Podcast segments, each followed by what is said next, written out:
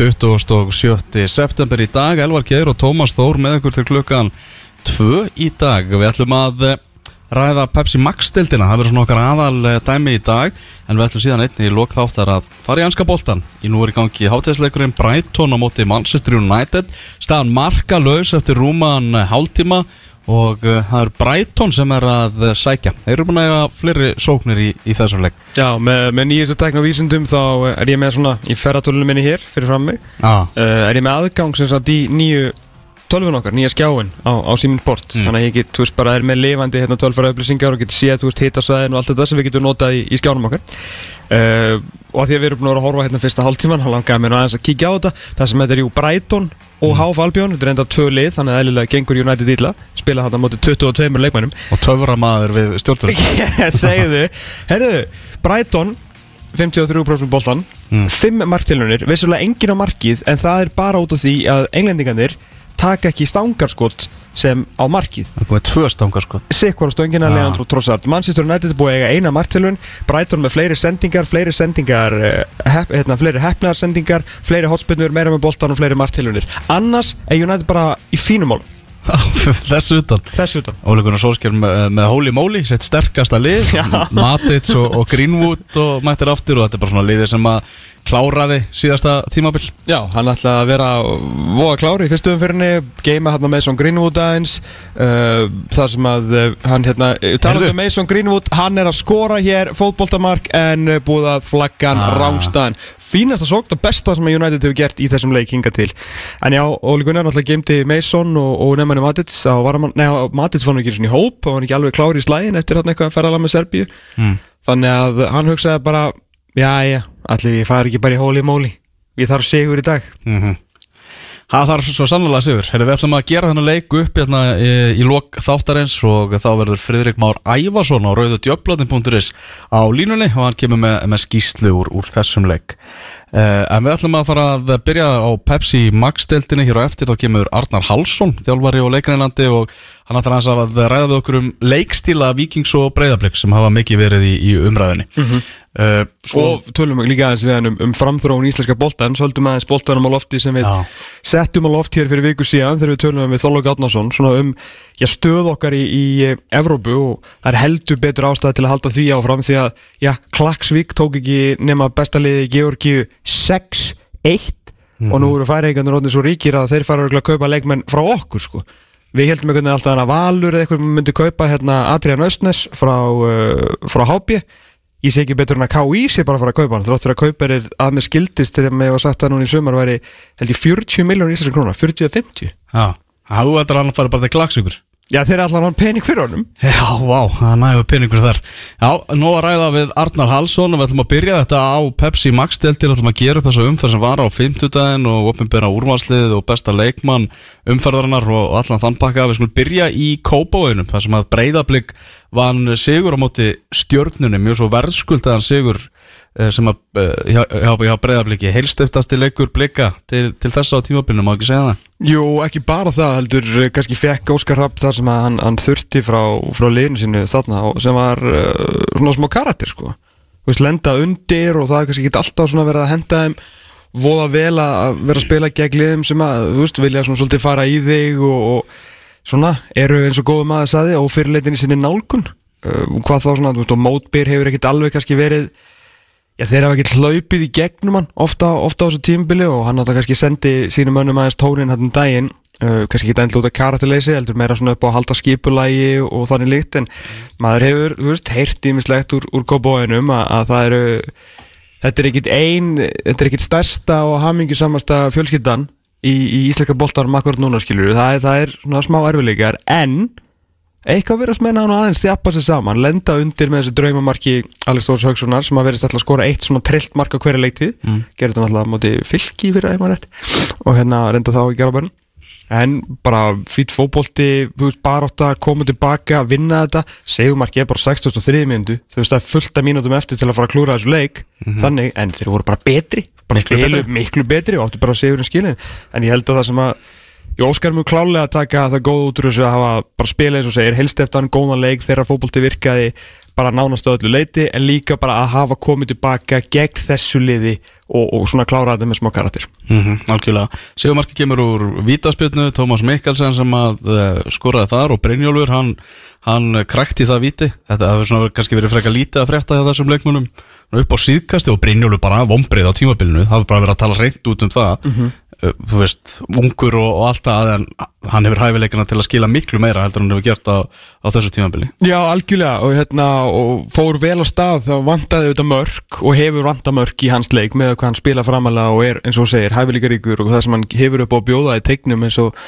bara þessi snúningar með manni í bakið eru bara eitthvað svo sérð ekki hjá mörgum leikmönnum í þessari það getur þú veist, alveg bara snúið sér og tíkalli fram hjá mönnum inn í tegnum á nokkvært skapa færi eða, eða skora eða lægt upp en eftir þessar, hvað er þetta ekki fyrstu 5-6 umferðarnar þegar hann alltaf Óskar því miður misti þetta þessa fáránlegu setning út úr sér að við varum að rekja besta leikmann Íslandsmótsins úr, úr landi skilju en ég meina, þú veist, heitir heitir menn segja hérna kannski hluti sem að kannski meina ekkert alveg í hitaleiksins og er auðvitað að reyna að fá smá vend fyrir, fyrir sinn mann. Uh, en eftir þetta hefur bara verið afskaplega lítið að frétta og, og hérna sem er mikil synd sko því að ég veit ekki hversu oftu við erum að segja hvað hann hefur mikla hæfleika en, en náttúrulega vil maður bara benda á að það er ekkit gott fyrir unga menn að vera með hérna heilu bæjarfjölögin í, í klappstýruliði ára menn hafa árikað eitthvað sko Nei, það er ekki gott að segja þér að þú sért langt bestur dag eftir dag eftir dag þegar þú ert eftir að sanna það sko. Það er bara ekki tólt fyrir nokkuð neinasta mann sko. mm Fyrir um nánar í breyðablík síðar í, í þættinum En stjórnumenn, þeir eru bara þungir og, og það, er, það er bara þungt yfir í, í Garðabænum. Það er svona mínikrísa verið störa Kannski glöggir lesandi fótballtabunduna tóku þetta því að Kvorki var viðtal við Rúna Pálni Óla Jó. Já, hvað gerist þar? og, þar var ekki, og það var ekki heldur viðtal við á Rúf. Rúna Pál, hann var nappaður hann í viðtal á, viðtal á stöð 2 strax eftir leikin sem er nú eiginlega bara, þú veist, skilda. Já, og svo eftir leik þá voru bara fréttamenn að býða eftir því að fá að ræða við þjálfara e, stjórnunar sem er vantilega Rúna Páll þar sem hann er búin að veita öll viðtölun hinga til á, á tímabilinu. Emitt en bara þeir kom ekki og svo bara mætti þarna fjölmjörnfjöld við breyðaplöks og sagði bara þeir eru bara farnir út úr húsi. Þeir bara, veist, þeir eru, búin að vera það lengi í bransanum að þeir vita það að fótbolti.net teku viðtölu þjálfara eftir alla leiki. Mhm. var ekki við, veist, það er erfitt að skýla sér bak við eitthvað miskilning eða eitthvað þannig. Ég held að það bara verist vera eitthvað tungt yfir í Garðabænum. Já, já, ég hérna, ef að taka örstutapásu bara frá þessu og benda ykkur á það að eftir, já, einar vestu 38 mínútur sínar í búningi í Manchester United var Bruno Fernandes að toppa fá uh, mjög lélega framistöðu sína í fyrirháleik með að fá sér vítaspyrnu. Hinn frábæri hægri vangbækurur uh, Brighton, Tarik Lamptey fýblaðan hann aðeins svolítið upp á skónum Bruno Offsetn og vítaspyrna dæmt sem að Neil Mopay ætlar að taka þetta eftir, eftir augnablík Það er Chris Kavanagh sem að dæmdi þetta viti sem að þekktastu fyrir það að vera góðu vinnur Tómasar Mægir Í alvörunni? Já, þeir tóku, þeir eru Snapchat vinnir og þeir tóku hérna ringin á Íslandi fóru í Veitu af hverju? Eh, Hvernig kynntist þeir? hann, hann mætti hérna okkur svona dómarrástinni og Mægirinn var látin í það verkefni að svona sjá um hann sko. Vá, Chris Kavan og Heppin? Já, og þeir, þeir hafa haldið sambandi síðan Mægirinn og, og Kavanagh Thomas Wolfgang. Já, Wolfgang Mægir sko. Herri, það er geggjað. Hann er Chris Kavan og er Íslandsvinnur Hann er svo Þannig að sann það eru tveir Íslandsvinnur inn á vellinu núna. Það Chris einhverjir- Kavan og Mason Greenwood. Ykkur er ekki ánægð með, með, með þá lýsingu en á allavega á, á Greenwood. Já, það ég- tek, tekur sinn tíma hérna En Neil Mopay er á vitapunktunum David Gea til Varnar og hann vippar honum svona létt og víti, löðumanlega upp í Ah. þagnetið og Brighton er komið yfir gegn lánlausum United-bönnum Já, mann að gera upp þennan leik þegar honum er lokið. En- en, Ég held hérna smá ræðið mitt um, um fyrir tveim viku síðan uh, um viðtöl og við hvernig þú ert að tala.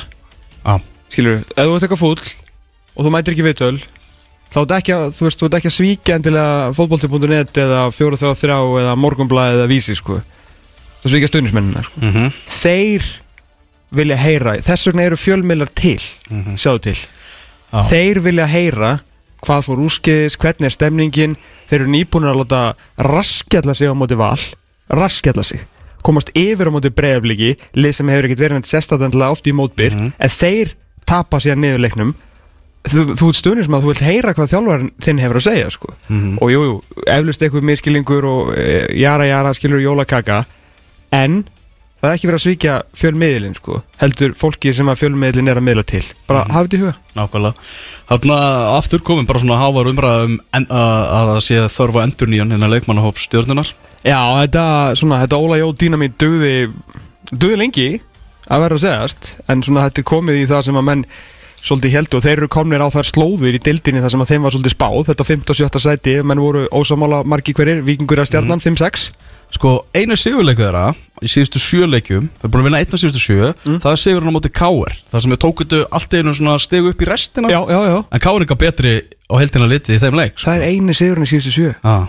Vá, það er áhugavert Það er mjög áhugavert og En líka eins og hérna eins og Blandunum var að benda á með hérna X-Points þú veist þar sem þeir eiga verið dildinni með þegar allt er tekið saman þú veist hvað þú átt að skora og hvað átt að fá þig á því í hverjum leik að þá eru þeir níunda besta liði í dildinni og svo tabla lígur alveg skilur en tablan sjálf það sem að stiga söfnin er hún lígur aldrei skilur þannig að þeir eru alveg að færast niður að, þú veist, þeir eru vissulega áttastegum undanleginu í nýjunda seti þannig að þeir mun, mun aldrei enda þar, sjötta seti verður nú mjög líklega, svona 5. og sjötta seti verður þeirra á endanum, sko. En þeir voru bara svona verðast aðeins að verða að blekja okkur hérna svona framan á móti. Mhm. aðeins, ég veit að það er ekki hægt að spila ef við getum en þeir voru samt að því. Já, það er alltaf að þeir þurfa að fara að ná sér aftur á eitthvað, eitthvað streik stjórnumenn. Breyðarblik með Sigur þarna og eru í þriðasætti deltarinnar svo er það náttúrulega stórleikurinn sem að fram fór klukkan 16.15 á 50 degi toppslagur Pepsi Max deltarinnar þar sem að FH tapaði fyrir val 1-4 ég skal segja ykkur það valsmenn sem að heldur þarna síningu á móti stjórnunni án þess að vera með Haugpál og Kristinn Frey þeir voru sem mættir aftur í byrjunarleið báðir þrjusu flottir í þessum leik og valsmenn einfallega miklu miklu betri í leiknum ég er ánað með ekkert Gunnþór ég sá viðtal við hann, ég held að það verið á vísi það sem að hann var að tala um það að hann var spurður út í dómgjastluna sem var mikið á melli talana hjá stuðningsmönnum FH mm. og hann sagði ég nenni eiginlega ekki að þú veist, já já, þú veist hann hefði geta gert þetta og hitt betur og, og allt það. Mhm. en ég nenni eiginlega ekki að tala um það því að við vorum ekki nægilega góðir, við vorum bara lélegir og það er það sem að mestu máli skiptir. Hann nefndi ekki að tala um, tala um dómgæsluna. Og það er bara málið valsmenn, það, það, það er ekki ástæðu lausu sem að við vorum að tala um það þegar við vorum að sitja saman hérna fyrir, fyrir þennan leik uh, sameigileg byrjunarlið Vals og FH Mhm. að það voru valsmenn sem voru að dóminera það. Það bara síndi sig í þessu leik hver ástæðan var fyrir því.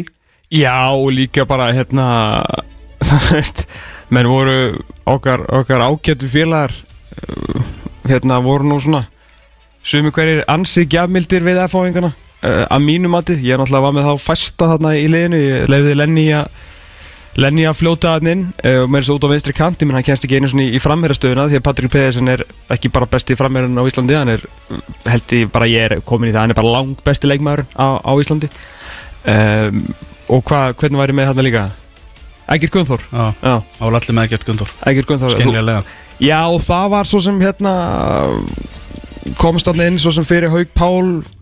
Ég ætla ekki að segja að maður hafi verið eitthvað blindar á ást síðustu, jú, ég ætla eiginlega að segja það kannski, þú veist, að hann kom með svo miklum fítónskraft inn í þetta, en þegar Haug og Páll, þú veist, spilar svona leik í þessu valsliði, að þá er hann yngur síri heldur en, heldur en ekkert Gunnþór sko, en, er náttúrulega verið algjörlega frábær og svo sem bara teimt þetta F-fólið inn í já, það sem að varð næstum því titilbaráta sko, en náttúrulega henni slaufað þarna í hátteginu á 15 11 stega fórsta hjá valsmönum langbesta lið Pepsi Max deildarinnar á þessu tímabili. Já, ekki nokkur einasta spurning, lang, lang bestir og ef að það þurfti einhverja sonun á því þá var það náttúrulega þessi leikur. En við erum komið góða mann á, á línuna. Hann er uh, fyrir fjölumælamæður núverandi túrasum par excellence, hann er með valspodcastið Vængjum þöndum, mikill valsari. Uh, já, vorum ekkert fyrir það. Breki Lóðarsson, hell og sæl Eilir og sælir drengir. Hæ, hæ, hæ. Herru, lífið er ljúft núna í uh, rauða hluta Reykjavíkur eða eitthvað? Já, það er óhætt að segja það. Það, er hérna, það gengur ákveðlega hjá, hjá okkar mönnum í, í, í boltanum. Mm. Hvernig, hérna, hvernig fóstu svona í, í sálinni á áðunuleik og, og hvernig varstu eftir þetta? uh, Ég fór nú á hennar leik bara uh, fullur eftirvæntingar. Þetta var kortir yfir fjögur og, og við gerðum okkur ferð hérna félagarnir og förum við leitt á Taco Bell þegar við spilum í, í Kaplakrega Já, hann mettist aður hérna, já, þannig að hérna, við, við gerum það. Og við höfum ekki unni í Kaplakrika sen 2007 þannig að hérna, við vorum hérna bara klárir í þetta og, og F-fangarnir náttúrulega búin að vera að spila mjög vel upp á síkastið Voru þið stressaður um að þeir væru actually jafn góður á þig og þú veist að væri sens að þið gætu mistið mót frá okkur? Var það, svona, var það narrativi í bílnum á leiðinni í Hafnarfjörn? Já, kannski, ekki- já, kannski ekki mist móti frá okkur hérna, Hleyfti minni það? hleyfti minni, já. Uh, það hefur ekkert verið neitt dauði að tapa þessum leik en, en hérna já, þannig að ég bjóst allavega við hörkuleik og var bara spenntur að sjá F-fangana á móti völsórum sem að bæði liðbúin að vera að spila mjög vel en hérna, þetta var aldrei spennandi. Nei. Kom, Komur á óvart hversu miklu, miklu reyðbúrunni voru?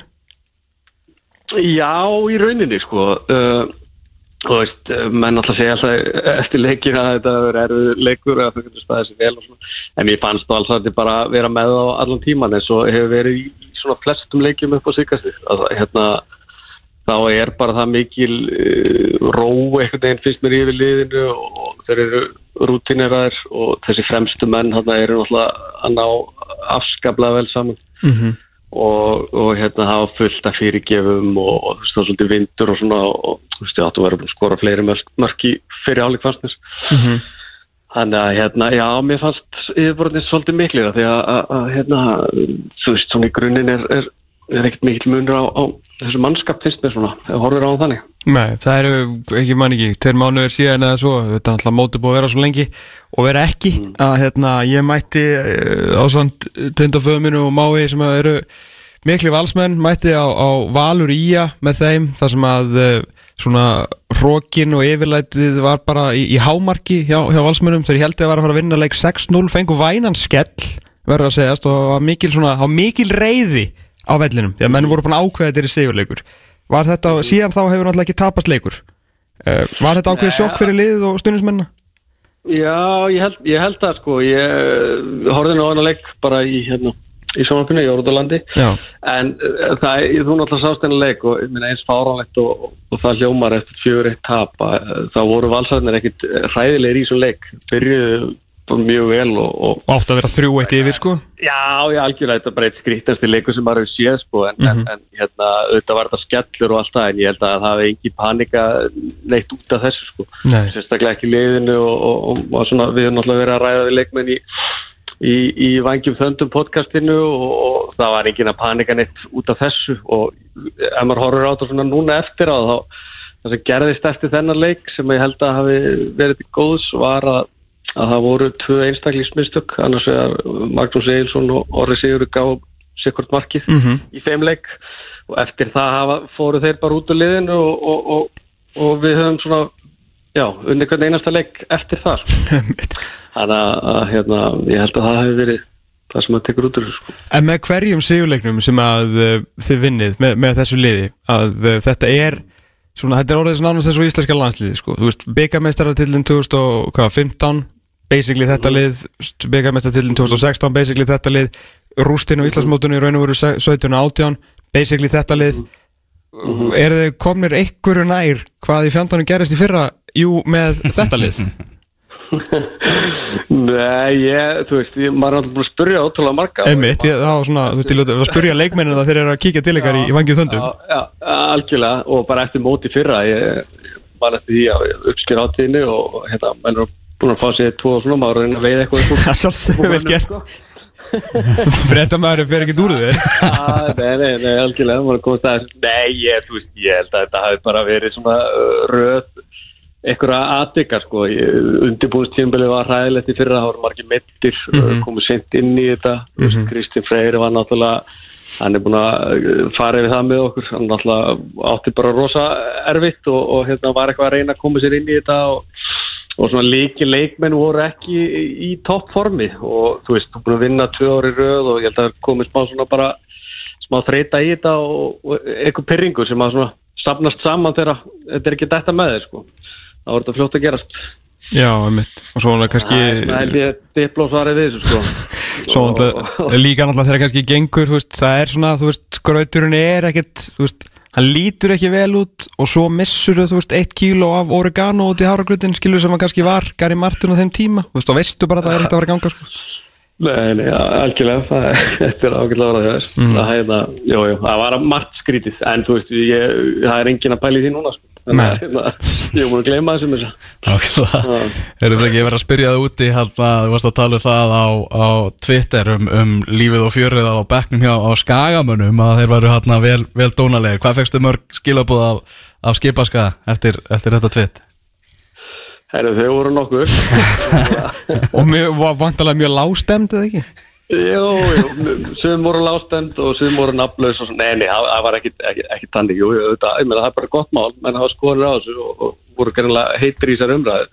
En ég rætti hérna við góða menn, uh, meðal annars í kringu liðið og annað sem voru svona ósátti með að, að ég hafi verið að benda á þetta uh, og vildu meina að, að þeir væri svona aðeins búin að taka sig á frá því í fyrra.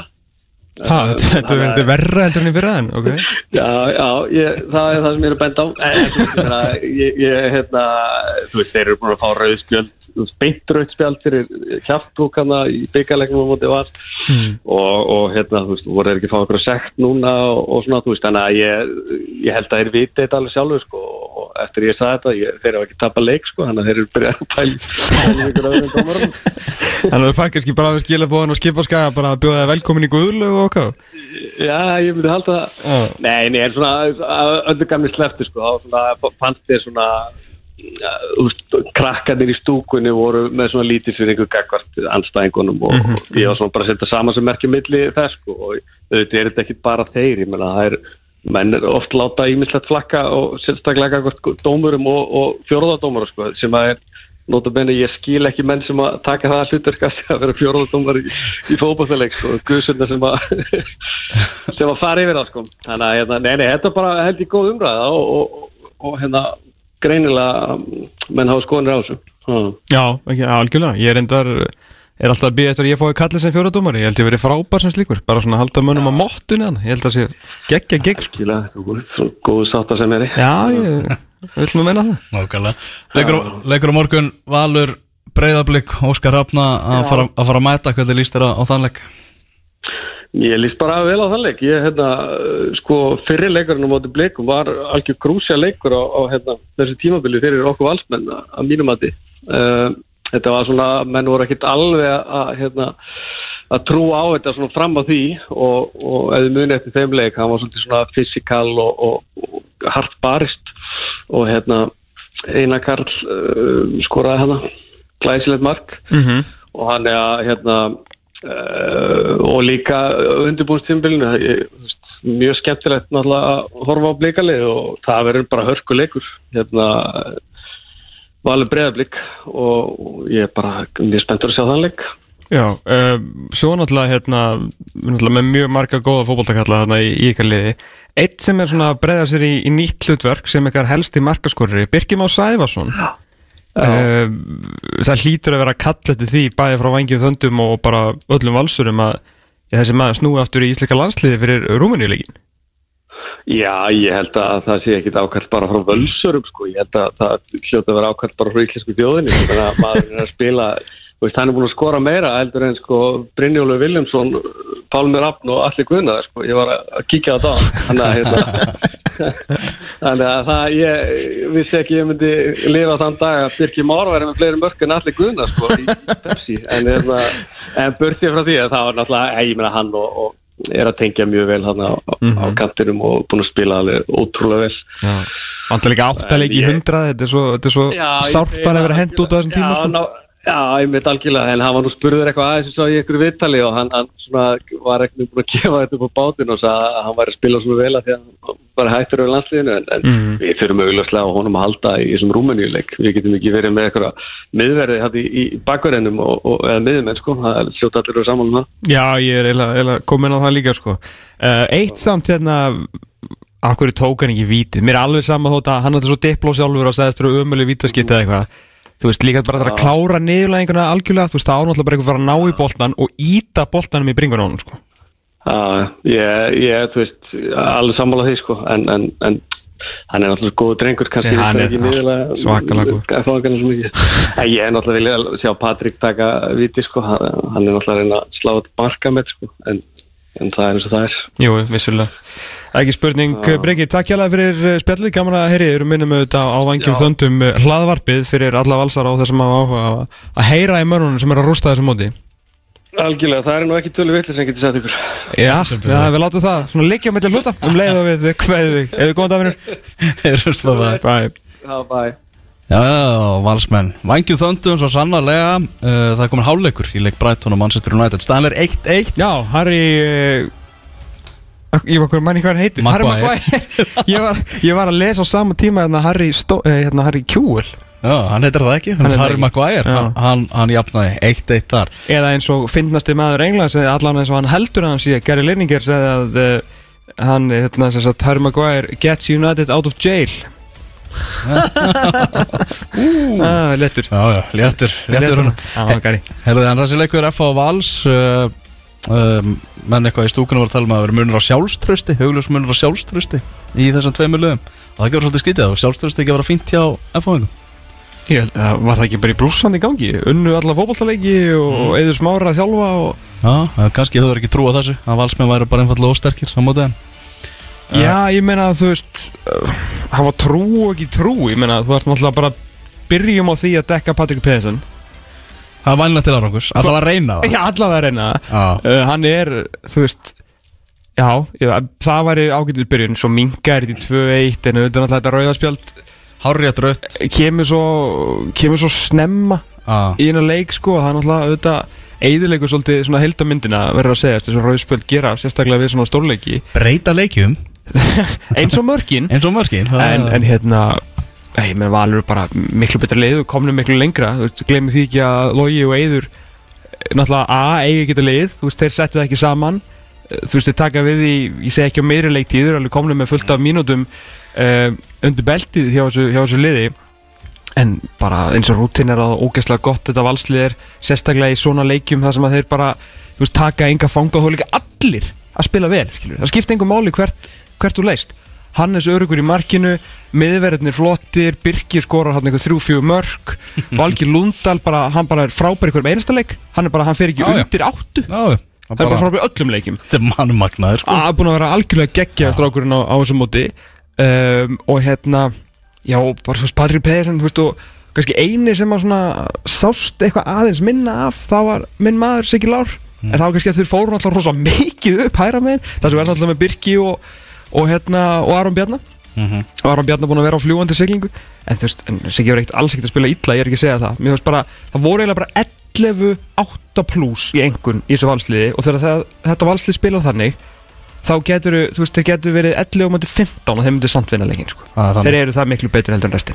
Já, og hversu hversu vond var þetta fyrir F-fáingana sjá Heimi Guðjónsson mæta og pakka þeim saman. Heim, sagður heimi Guðjóns Já, ég var að vona að myndir ekki heyra þetta. Heimi Guðjónsson og hérna mæta hana og valta yfir að fá liðið. Hvað hérna, þú veist bara einhverjum það er næstu í tvö ára eða eitthvað upp á dag síðan að hann var látin fara hana með sko, þú veist, og ekki á fallega móta, skilur Mhm. þú veist, hann, hann Hann hafði gaman að þessu, kallið hann eitthvað því sko. hvað hann hafði gaman að þessu sko. En stórfrétt úr Pepsi Max deildinni í gær. Sýta þessi gær. Jísús Krist maður. Matti Villa, dömur mínar og herrar. Mattias Vilhjámsson er að snúa heim. Hann er að fara að mæta aftur Í krekan verður leikmaður FH á næsta tímabili. Ég er ánlega með svona Þýskalands svona stælin í þessu? Sæna svona vel fara með tíman Já, Það er cool nákvæmlega, strax bara gera ykkur spennt fyrir næsta tímabil og það er verið að tala um það að sé strax eh, skiljanlega að það sé svona aðeins fyrir að ræða við loga og eið um, um að halda áfram partíinu sko. Ok. Þannig að það er eitthvað. En þú veist það þarf ekki að útskýra fyrir ein, einum niður einum sem að fylgjast með íslenskum fótbolta og fótboltamönnum hvað Mattias Viljámsson er að fara að koma með í þetta F-fólið Nei, hann verður uh, 34 ára á næsta ári. Sko, Hann reyndar er gæði sem er í svakalegu standi hérna, Sveita strákur út djúpinu sko. Þannig að hérna, alvöru atvinnumæður alvöru atvinnumæður og, og hérna einhver svona sá heilstiftasti og flottasti sem við höfum nú séð á okkar áratug að svona að kofera hennar bolta hérna. Uh, en aftur samt hann er 34 ára, uh, og hann er að koma að mér skilist sem nýja. Já, ok. Fyrir ekki hóluna sína Hann er að fara að mæta þetta sem nýja. Fara í strækinu sko. Það er eitthvað sko. mm. Já, já. En hann, er, hann skora mörg Já, það er, veist, fullt að hlakka til fyrir stunismenn FH, þeir eru náttúrulega að taka við serfnarska blómunu síðan líka á næsta tímabili. Já. Vúkóska Dimitrevits. Sko Matti Villa er svona merkilegur ferill hjá honum. Þú veist, hann fer hann til start uh, á, á sín tíma og spilar uh, náttúrulega á frábær tímabil með þeim í, í bara fyrsta tímabili. Skora einhver átján mörg í, í bjöldildinni er svo að hann hjá start og bara spilaði eða náttúrulega ekkert, ekkert stór klúb þetta er alveg flottu klúbur start sko en kannski hefur ekkert náðu ykkur um hæðum á undanföndum árum. Svo einhvern veginn svona 2015 hann var maður svona, hann er ennþá besti maðurinn í liðinu. En maður vissi kannski ekki alveg í hversu miklu metum að vera í Nóri að því að svo fer hann held ég að ég maður rétt á miðju tímbili fyrir fimm ára síðan frá start allavega upp í Rosenborg. Já. og þá var maður bara ok hann er jafn góður og við heldum Mhm. hann er alveg jafn góður og við heldum Það var bara staðfesting á því. Já, og síðan líka einmitt hjá start að uh, þá, nei fyrir ekki hjá Rosenborg sko, síðan kannski var hann ekkert eitthvað alltaf í liðinu. Hann var alltaf að koma inn á skilað alltaf ógeðslega vel skrifað um hann. Á náttúrulega frábært alveg sérst fyrstu svona einu og hálfa leiktíðina. Uh, hefur náða að halda sér svona tiltölulega meðsla fríum var í smá brasi með það á sín tíma sko. Uh, og svo bara náttúrulega Voleringa líka reysa klúpur í, í Oslo þannig að hann á mjög flottan svona Norex feril á baki. Ég hérna kíkti til Þrándheims og, og heilsaði hann upp á hann hérna, Ok. þegar valsmenn kæfti á hann í Evropakjarninni og þá einmitt skiljaði með það hann er ríkalega vinsætla bara, og þú veist, bara svona 100% gæi. Já. Alltaf komið heim með reym Já, það var, ekki- var ekki það er- smá? Það var komið smá reymur í En hann það? Það er búin að vera það lengi, já, já. Hann verður fljótur að skólast út, held ég Hver var það sem var allra manna vestur? Var ekki Ólafur Bjarnason þegar hann komið í grinda? Jú, hann var rosaleg Hann var bara syngjandi, sko Hann var alveg rosaleg Það var rosalegt Og Veigar Pállur enda líka þegar hann kom inn á fyrst, sko Já. Hann var Já. svolítið mikið Það var fannig Þannig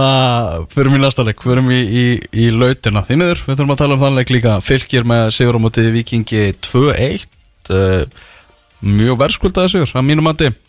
Bara áframhaldandi brasa á, á, á Vikingunum En bara hrós á, á fylgi Miðverðin tveir með mörkin og, og Orri Rapp Kjartansson Hann var að spila sem fyrsta byrjunleisleik mm -hmm.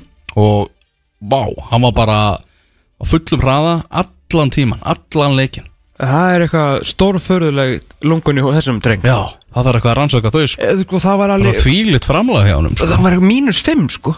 Já, Þú er átt á því það er ekkit eðlilega erfitt að hlaupa í svona aðstæðum. Já, Sko, ég var með eðsmára í gæri í, í tökum og minna eðsmára var bara með kvef eftir að hafa staðið í þessum kulda, sko. Já Hann settir, áttir tónin Já, og, og, og bara ákefðast í miklu meira hjá, hjá árbæðingum í, í, í þessu leik og, Já, ég meina, þú veist, þetta er ekkit nýtt í vikinni þegar að, þú veist, fer að bjáta á þá bara gefast menn upp og, og það er bara uppgjöf í, í kringum allt, sko. Menn eru, Mhm.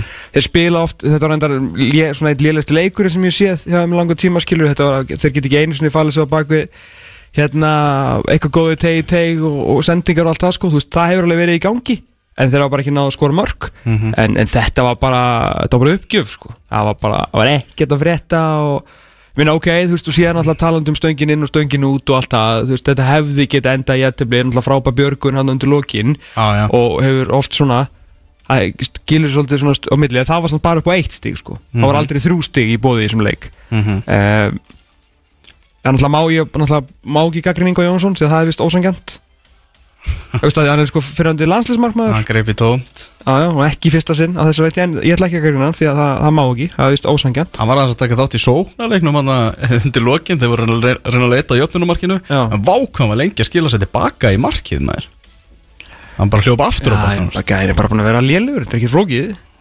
Með líka vendingarnar sem eru, eru settar á hann og hérna ég veit ekki hvað, hvað Dótsa Bullet segir hann sko. en hérna Og svo er náttúrulega bara Óta Magnús er farin Og svo eru bara helmingun á liðun á meðslalistanum núna. Já, já. Hva, Hvað með ký meðist Kári Átnason er að Hann er bara í kaplöp við tíman að vera tilbúin í innan Rúmeníuleik. Já, ég kannaði þetta aðeins í morgun uh, þetta var ekki alvarleg tóknun segir minn maður í vikinni og Kári Bjartsinn á rúmunuleikin Kári Bjart síðan Rúmeníuleikin. Ok, það er nú eitthvað. Það, er- það er gott, sko, en það er meira gott fyrir Ísland heldur en Viking, svona þetta moment. Já, tölum um, um vikingana sem er að fara að heimsækja ía á morgun Og það er uh, Davíð Allar í, er í leikbanni í þeim leik. Já, frábært. Um, Dofri er eitthvað tæpur uh, Helgi Guðjóns meittur Kári meittur Níko akkurat þegar Helgi meiddur, getur á að fara að fá tækifæri sko. Sölvi meittur Tómas Guðmundsson meittur. Svo eru, það eru nokkrir ansi spræki strákar hérna sem eru fættir uh, já, við við United er að fara að fá annað vita sig og aftur það framherji sem er að brjóta á sinni teg uh, hérna uh, já, svo eru ungi strákar sem hefur verið að koma núna inn á bekkin til að hérna reyna að fylla upp í þetta. Og þá hérna út af þessari COVID-veslu KSI hérna í hæfileikamótunni að þá eru einhverjir eitthvað gomma af strákum vikingi í sótkví og einhverjir þjálfarar með. Þannig að það er ekki eins og hægt að gefa svona einhverjum 16, 17, 18 ára puttum hérna, eða 16, 17 ára puttum tækifæri til að vera í hópnum til þeir eru komin í sótkví sko. Þannig að þetta er náttúrulega bara er, því mér orðið bara mjög, mjög svona þúndið mér veist viðtalið samt við Arnar gott eftir leika fókbaltumunnet Já. og hérna uh, var að tala um það hérna hvað var hann að segja aftur? Var að segja að það þýtti ekki lengur að vera veist að skýla sig á baku XG, XP og possession og sendingar og eitthvað.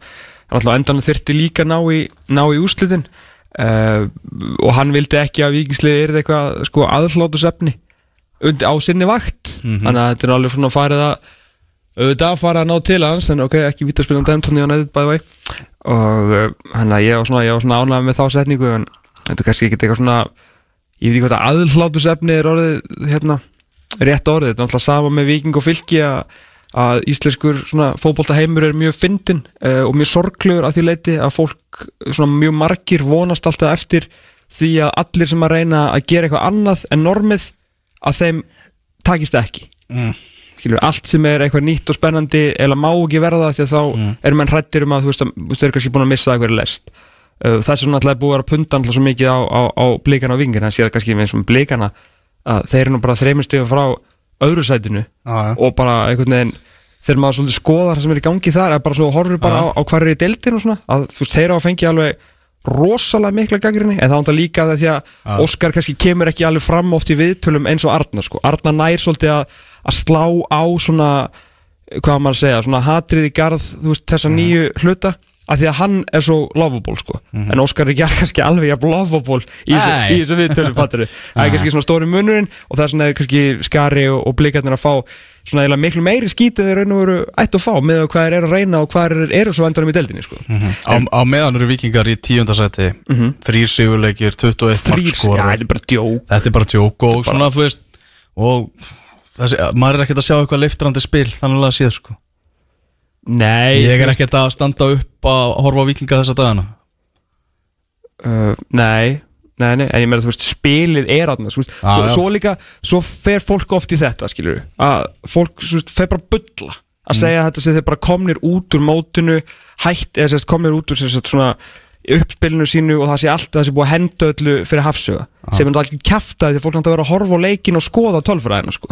Þú veist, vingar Að við eru ætlum að tala um leikstilin betur og Já, ég, nú er ég að tala um gaggrínina sko. Já, já. Þú veist, þrátt fyrir að stigasöfni gengur illa hefur ekkit, þú veist, verið hefur ekkit, skilur hugmyndafræðinu verið kasta át að hafsuga bara því að fólk vill segja það. Þú veist, það verður að vera rétt áður en þú segja það. Það er sem ég meina, en það skiptir ekki máli, á endanum er þetta þrýr sigurleikir 21 maður skora þar, þú veist, helmingur af mörkunum í tveimurleikim Mhm. þú veist, þetta er svona eitthvað, að- ég er svona, já, ég veit ekki. Ég hef oft verið þarna í, í fallbaróttu með vikingsliðinu, sko. Og en svona á öðru fórsendum þú veist, vitandi ég var að fara í fallbaróttu, sko. Og ég var svona vonast bara eftir að svona siglu með að delt og spila góðan bolta og hafa gaman, sko. Mhm. en uh, þetta er rosa mikið, mikið leiðindi að mann er bara, þú veist bara hjarta, bara mingar, sko. Bara hverjum leiknum, sko Gott já, fylgismennum Valdimar Þór náttúrulega farin en, en þeir að, þú veist, rósið þeim aðeins, að meira. Á, á Ný, nýtingin á mörgum hjá þessu fylgisliði Mhm. hún er stórmækli. Þeir eru í fjórðasetti fylgir í fjórðasetti deildarinnar með 25 stík þeir eru með einu stígi minni heldur en breyðablík sem með svo margfald starri og betri hóp heldur en fylgisliði að þannig er engri átt. Mhm. þeir eru vissulega, ég veit þeir eru, þeir eru tveimur leikjum á undan káliðinu og stígi þar á undan sko. En veist, og þeir eru með leik meira heldur en blíkandir en þeir eru samt í Evrópu baratu með lið sem fólk var að spá tíundasæti Mhm. vinna þennan leik án Valdimars. Þeir eru með mínus 1 í markatölu. Mínus 1 í fjórðarsæti deildarinnar. Er samt búin að vinna 8 leiki. Mhm. og þeir settu bara tónin svolítið strax í, í fyrsta leik. Þú veist það var bara power í þeim. Uh, Þorri Gunnar frábærisleik svakalega svona kraftur í honum og þeir á að ná svona að halda þessu að þegar að dívan komastu eftir því töpu það sem átti að heita toppslagur gegn FA á sín tíma Aha. þá kom svona smá díva hefðum og þar hefur verið mjög auðvelt að detta svolítið í bara fylki eins og fylkir hefur verið rúlla bara hann að 7, 8, 9 vinna eitt leik, vinna eins og kannski ekki 3, 4 í röð Heru, þeir eru komin aftur í Európaráþun mm Mhm. vel gert Ok, tókstæður á móti K.R. Þannig að- Káir fyrir ekki, fyrir ekki Já, já. Þarna höldum bara fram að F.A. var alls ekki toppar þetta Já, að skoða, skoða leikina K.R. gróta 1-1 endur leikar þar K.R.ingar þar oft bara eins og að vanta eins upp á einhvern veginn hvað áhugan hjá? Er þetta að segja bara svona smá áhuga leysi þeir eru að tapa stegum á móti grótu þeir eru að tapa stegum á móti fjölni Veist, þetta er bara rán, rándýrt sko. vissulega ef að tölfræðin og XG er skoðað þá er K.R. með 2,66 gróta 0,33 K.R. er 72% með boltan Shit. Þetta er alveg bilað sko. Já, ég meina þetta er náttúrulega ástæðan fyrir að, að fólk horfir á þetta sport, skilur við Það getur, þetta, svona hluti getur gerst, Það er ekki að skora þryggjast eða. Þannig. Og, og maður leiksins var á, á Magga Mark Arnar Þór Helgason sem átti þetta rosalega línubjörgun Mhm. í leiknum, svakalega línubjörgun. En þeir geta alltaf að tekið það út úr þessu tímabili, grótumenn að þeir fóru og heimsóttu granna sína á meistaravelli og náðu bara í stig þar. Heldur, og stutt en, en hérna, skemmtileg ferð heim. Já, en hann var ómyrkur í máli, Rúna Kristinsson eftir þennan leik, ekki hrifin af hrifin af sínu liði og, og bara, bara gaggrindi gaggrindi menn. Uh, Káir og Stjarnan eru með 24 stig núna. þetta eru lið sem stóla það á Evrópu mm Mhm. á Evrópu penning Algjörlega. Já, ég, þú veist Hann má alveg fara að hafa smá ágjur að menn fari ekki að aðeins að gera sér í brókana og þetta, þetta, þú veist Þetta voru ekkit endilega eitthvað úslitin sem að Þetta setti öruglega sko síðasta dropan í mælin sko. Hjá, hjá Rúnari ef hann hefur vantalega verið pyrraður yfir genginu svona síðustu vikur. En það er alveg fleiri leikir en þetta sem hafa verið verulega slakir og, og sérstakir hjá þessu liði sko. Þar sem að menn verðast eitthvað svona alveg óþægilega sattir að vantalega að mati Rúnars Kristinssonar Mark í Brighton, Manchester United komið yfir. Brighton 1, Manchester United 2 og tjekka á þessu marki, Thomas. Þetta er aðeins smá, smá leiklistar Herðu, halló, halló. Smá hefnir endar í klárslunni En allt sem að Markus Rashford gerir þarna undan Því líka konfettmóli Hann er bara að stíga léttan dans með boltan sko, Fýbla sama gæðin aftur Ó, skemmtilega gert. Virkilega skemmtilega að gera Brighton 1, Manchester United 2 55 mínútur á klukkunni þar. Herðu, fjölnir tapa fyrir IA 1-3 áfram heldur þetta markaflóð hjá skagamönnum. Þau skora og skora og fá mörg á sig og fá mörg á sig. Því líka veistla sem þetta lið er. 4,6 mörg að meðaltali á leik hjá skaganum sem eru skorið 37-37 er markatala Já, þetta er alveg sko. er þetta er svo mikið mössi TV þessa dagina sko uh, Já, bara fyrst, flottir maður. Ég hérna 20 stig veist, eh, verða líklega þarna bara hvað, efstir á næra skillinu Mm. myndi maður halda. Og svo sem ekki útloka það er reynda stjarnan á tvo leikja á en ég er svona kannski og káir líka en ég er auðvitað að sjá hvað brjótast inn í top 6 bara út af leikjum sem þeir eftir að spila. En, hérna, en bara gaman og veist, áfram ég bara maður er að halda áfram að hrósa Jói Kalla fyrir það að hérna, vera með bara ná að halda hausnum á hérna þú veist, Tryggva og Stefáni þessum gæjum. Þú veist, Tryggva er að skora.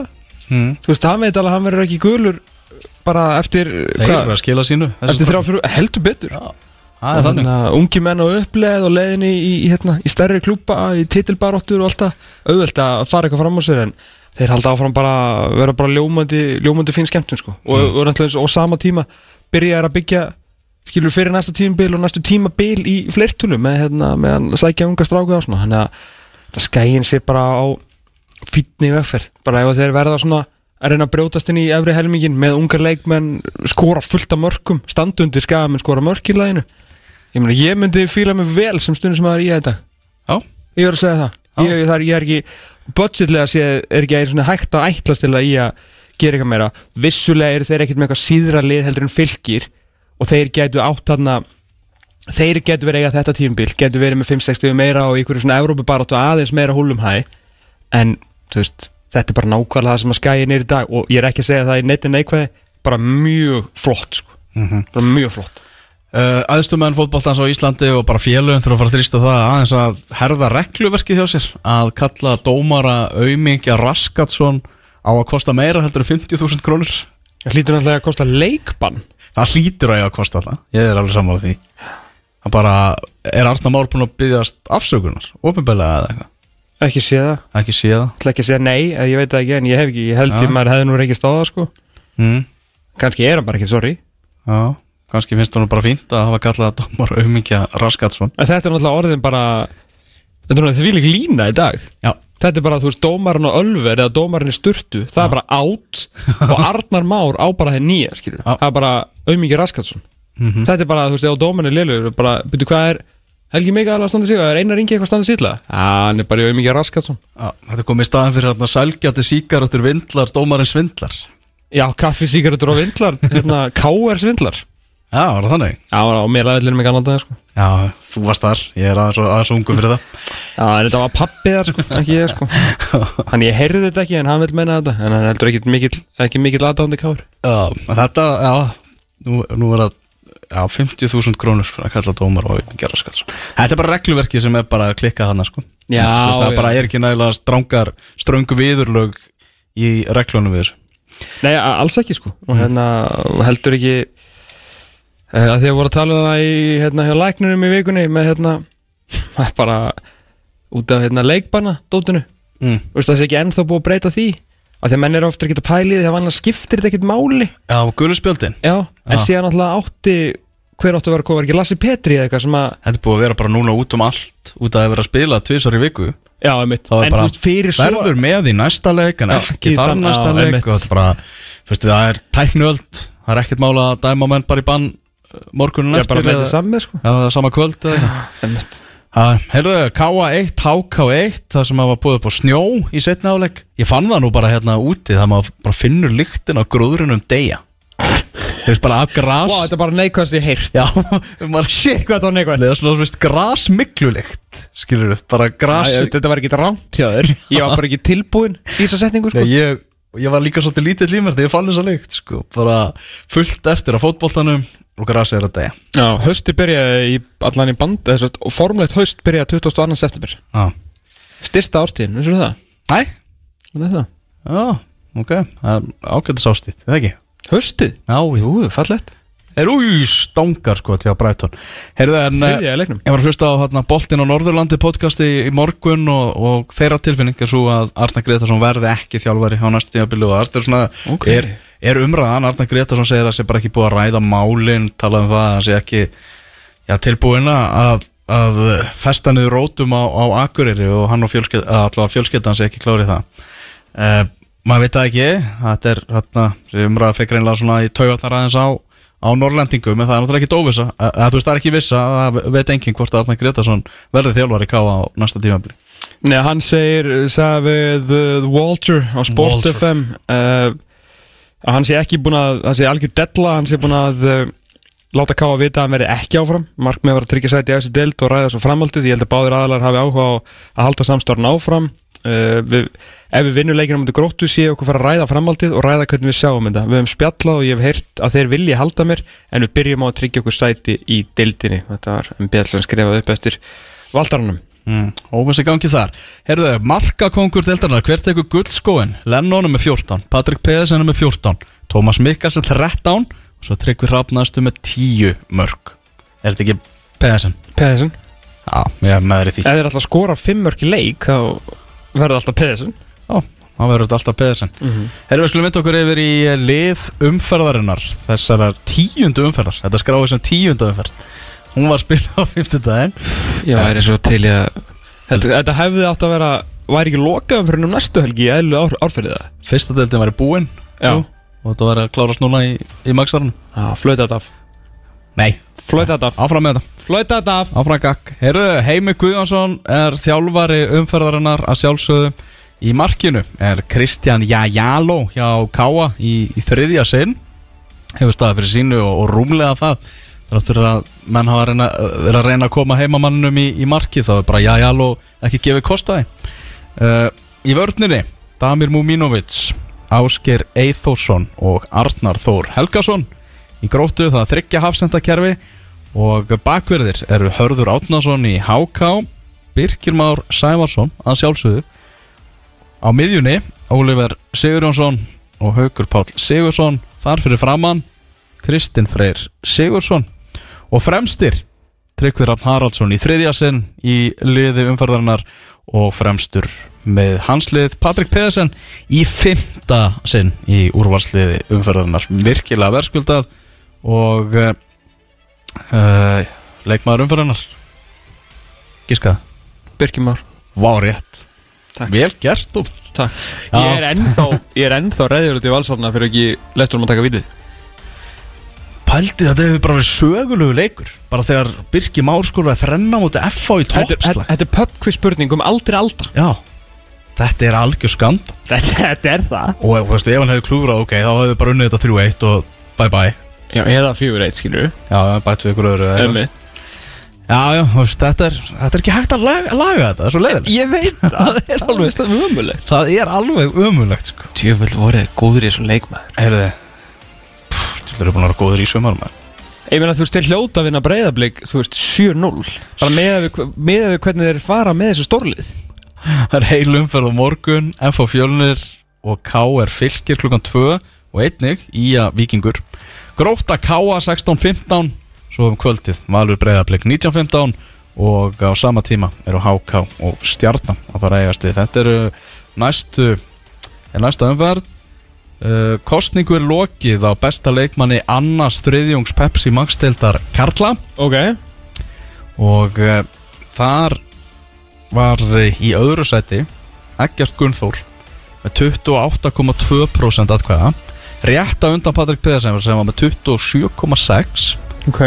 En besti leikmaðurinn Nú, í var öðrum fórum við þeirra? Ha, Ok, ég Hver, hver vann þetta? Stephen Lennon. Já Besti leikmaður annars þriðjungs Pepsi Max deltar Karla með 38,7% atkvæða Stephen Lennon í FH hann er að vinna Bose Sound Sport uh, frí þráðlös íþrótta hernatól Ish, ég á tvöðani Iss, iss, iss. Ah, Ef Lennon á þannig þá, þá á hann líka tvö eftir, eftir þetta. Það er bara þannig Stephen Lennon hann er að, að taka þetta. Glæsilegt Þetta er eh, Pepsi Max deltin Við erum ekki búin að ljúka okkar umræðið og umfjöllun um þá deilt Því að það er að koma gestur í hús hérna eftir nokkra mínútur Gekkjaði gestur. Gekkaða gestur, hann er ekki langt síðan hann kíkti til okkar og, og þá sló hann all rækilega í gegn. Það var um þá talað og eftir því tekið þegar leikreinandinn Arnar Hallsson mætti hérna til okkar og talar ekki undir rós, talar í, í staðurindum og það er maður sem er svo sannarlega búin að kynna sér hlutina. Heldur betur, leikreiningar hans búin að vera algjörlega geggjar og þvílít svona ferskur vindur inn í, inn í fótbolta umfjölluna sem er alltaf að verða meiri og meiri og, og meiri og síðasta hérna greiningin hans var, var ansið skemmtileg, notar væskátt í þetta tók fyrir uh, já, sem betur fyrr útskýran hann að þaula ofur rúst og magnaðan fyrirháleik vals gegn stjörninni uh, og hann má eiga það að náttúrulega, hann á náttúrulega kyn gott, hann er miklu blaðamann að kynni mm. pappa hans náttúrulega fyrir um fréttastjóri og mikill kongur Hallur, Hallur Hallsson uh, bróður hans Hallur Már Hallsson er blaðamann á morgunblaðinu verið lengi, ágættu félagi minn. Og f- uh, sem segir sko fyrirsagnir hans eru eins og hann á kyn til. Leikurinn verkun valsmanna geggjað. Mhm. uh, þegar stjarnan vann káur um daginn greiningi þar, stjörnugrís Við blaðmenni kunum vel að vel að meta svona ekki mæta með hnífi bissubarta með sínu kensli í reppafræðum. Algjörlega geggja Algjörlega gekkjar Tökum okkur smá pásu, komum tilbaka með Arnar Hallsson, við ætlum að ræða aðeins tvo af já, mest umtöluðu leikstílum Íslandsmótsins hjá Breiðabliki og Vikingi hver er að gera gott mót, hver er að gera slæmt mót? Hvað geta þau bætt sinn og er bara að vona að þetta muni ganga til eh, já, lengri tíma, Arnar Hallsson hér næst. Þú ert að hlusta á fótbolti.net á exinu 977 Það eru 75 minútur á klukkunni, Brighton 1, Manchester United 2 En uh, við ætlum að halda áfram að ræða um Pepsi Max-deltina og hingaður komin Arnar Hallsson. Tómar, hvað ætlum að ræða við Arnarum? Herru, við ætlum að, eh, ég fengum hérna leikareinanda Íslands uh, í dag til að fara eins yfir þessa tvo já, leikstíla sem við erum að sjá í þessari deild bæði á breyðabliki og, og vikingi að reyna að fá kannski aðeins svona meiri svona dítela um hvað þessi liðir reyna að gera og hvort það er að virka því að stegasöfnin er svo sannarlega mismunandi hjá þessum liðum og ég veit ekki hvort að þú tekið eftir Arnar en það er svona menn eru aðeins fljótir uh, já menn og konur, fókvöld áhuga menn svona þeir eru fljótir að, að svona hjakkast á Arnari og Óskar Rafni að þeir eru að, er að reyna eitthvað eh, reyna eitthvað Lítilega, já. Mér- finnst þessi svona gaggrinni, ég held að þetta sé framfara skref, ég, ég held að, að þeir séu báður á réttri leið en, og ég held að, að eins og til dæmis Óskar, að þetta er svona þessi messi middle part sem er kallaður þegar þegar liðin, það er kannski kemur eitthvað kippur til að byrja með og svo kemur þessi miðkabli það sem, það sem þetta er ekki alveg að smetla Út að tala með í mótun ekki stökum leika Ég er að tala um í mótin Já, já, já. Í, í þroskaferli í raun og veru liðsins og, Mhm. og Óskar raun og veru mættu þessu held ég svona skellur sem kom þegar með gróttuliðs þegar tapaði 6-1 fyrir vestra um, í annari deildinni Mhm. og þá, þá hérna, reis upp þessi kór, þetta verið sprungið þetta verið búið hjá þeim að, að hérna, þessi aðferðafræði gengi ekki upp og þeir sildi í gegnum það og, og, og, og svo tókuðu náttúrulega síðast tímbil og, stóðu sig alveg frábælega og, og, og kláruðu móti en það glemdi svolítið í þeirri umræðu að, að stór hluti af því sem var að gerast þar að þeir voru að skora mikið eftir först leikadri sem hjálpaði þeim alveg gríðarlega að vinna með þennan uh, leikstíl sem voru að vinna með. Vegna þess að uppspilið upp að síðasta þriðungi fannst mér uh, hjá gróttu mjög gott og, og svo var það ekkert spes fannst mér á síðasta En- sem er vantilega það erfiðast að díla við í þessum pælingum öllum. Já, og ég held, en, en sko leisti það ákveðin hátt með þessum förstu leikadröðum sem við vorum með og leistu það svolítið í, í þarna í gegnum svona skrokksendir og, og, og voru að vinna annan bolta inn í tegnum. Okay. Og þeir hafa unni svolítið með þetta eh, finnst mér uh, blikarnir þá núna. Og ég held að, að blikalið sé kannski á svipuðum stað eins og gróttuliði var sko og þá er ég ekki að meina getulega, ég er að meina bara svona ferlið. Og, ég, að, og gróttuliði var í þessu vestra dæmi. Og, og það tekur ákveðin tíma að ná þessu í gegn sem menn vilja ná í gegn. Og ég man bara eftir þarna þegar Liverpool skiptum stjóra og Klopp kom inn og hann var búin að vera rúmt ár og þá held ég bara anskotin maður, hann er bara ekki með og svo, svo náðan og hann byrjaði að tala um þetta að búa til þessar, þessar svona deildu reynslu og búa til þekkingu hvernig á að yfirstíga aðstæður og hvernig á að, að landa hlutunum í mótlæti. Og, og ég held að allir getur verið sammála það að úrvinnslan hjá honum var frábær. Og ég hef þá skoðun að, að, að, að ég held að blikarnir séu þarna ég held að þeir séu að fara í gegnum svona þetta, þetta messy middle part og hérna það sem er bara vesen og ég held að þeir muni sigli í gegnum og klára sig að því.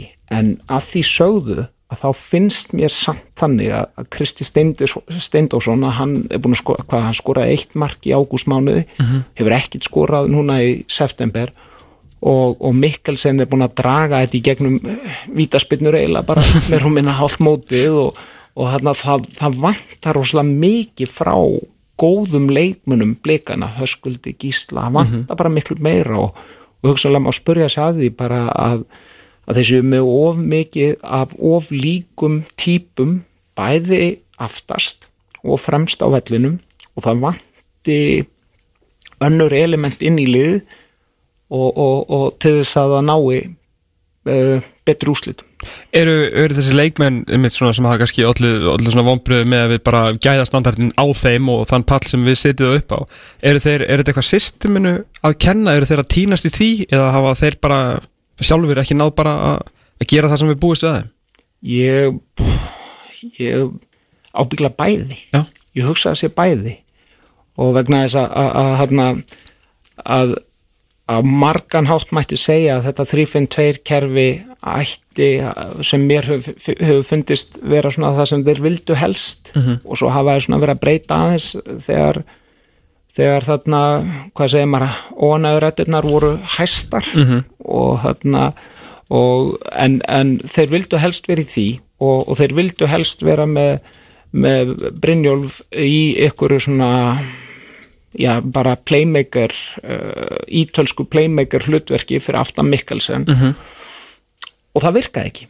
Það, það bara, menn geta haft alla þá skoðanir sem vilja á Brynjólfi, hann sé frábær og allt það og mér finnst hann efnilegur í fótbolta og skemmtilegur leikmaður, en þetta var bara ekki að skila stóðsendingum og mörgum. Og, og bara þegar það er talið upp úr pókanum þá bara skipti það máli. Einmitt og hérna, þannig að, þeir ströggluðu svolítið með það framan á móti og, og þeir hafi ekki alveg náða hræra hennan kokteil alveg réttan. Og, og, hérna, og ég held að, að, að þetta sé eins og við rættum kannski einnum daginn að, að hraðar og kvik, svona sterkar og grimmari varnamæður fyrir miðju í þessu þryggjamanna kerfi myndi sennilega bæta lið og eh, hugsanlega bara að dobla Mikkelsen og vera bara með tvo átt en átt sendera en ekki, en, en þetta er það sem Óskar aðhildist líka hjá gróttu þá var hann með svona eitt skrokksender og eitt svona skapandi. Þannig að, að þú veist, ég, ég, ég, ég held að, að þarna, það sé eitthvað þarna sem þeir þurfa að horfi í og, og allir þjálfarar þeir fari gegnum eitthvað svona brjálaðis samfæringaferli það sem verða að, að þarna, sína öllum að þeir hafi rétt fyrir sér. Og ef maður hefur mjög ránt fyrir sér þá endaði þannig að maður endar út á túnni og eða þá að maður gerir eitthvað tilslagan og finnir eitthvað leiðir til að láta hlutina virka og mér finnst uh, sérst, blikarnir standa á þessum krosskutum og hvernig þeir vinna úr þessu uh, held ég á næsta tímbili þeir klára alltaf þetta tímbil og mér finnst vegferðin bara gufu og góð og þeir eru að klára hana uh, eða allavega láta reyna á þetta alla leið og hérna, þannig að ég, ég spái því að þeir verði enn betri á næsta tímbili En ég meina, var ekki eitthvað glabraði að fara bara í 4-2-3-1 og bara upp í hótn og, og pressa úr því sem komið er? Ég meina, þetta er ekki verið en það að þeir eru í böllandi Európa-baróttu og var ekki bara galið að halda þeir getu unni mótið að fara í gegnum þetta ferli? Sko það er náttúrulega ég, það er þarna ég las bók fyrir nokkrum árum sem uh, starffræðingur sem heitir David Sumter skrifaði og, og þarna og Soccer Metrics heitir það sem er svona eins og Freakonomics.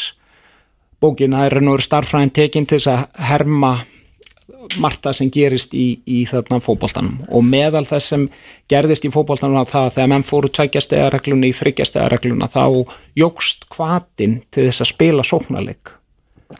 Og bara vegna þess að, að þrjú versus eitt stig að það gerir það að verkum að ef þú sækir að þá hefur meira græða heldur þú hefur að tapa. -hmm.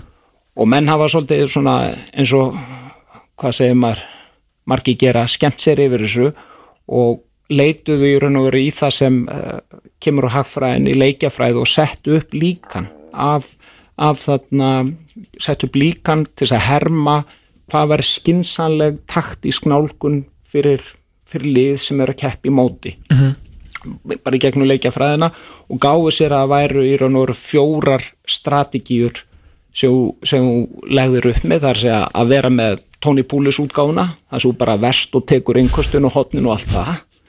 Og svo útgáfa þeir hermduð yfir 20 tímbil og svo útgáfa datt út úr deildin eftir 5 tímbil vegna þess að bara liðin fjallu og, og sagt, inn í algoritma var byggður svona lærdómsferill. Ok.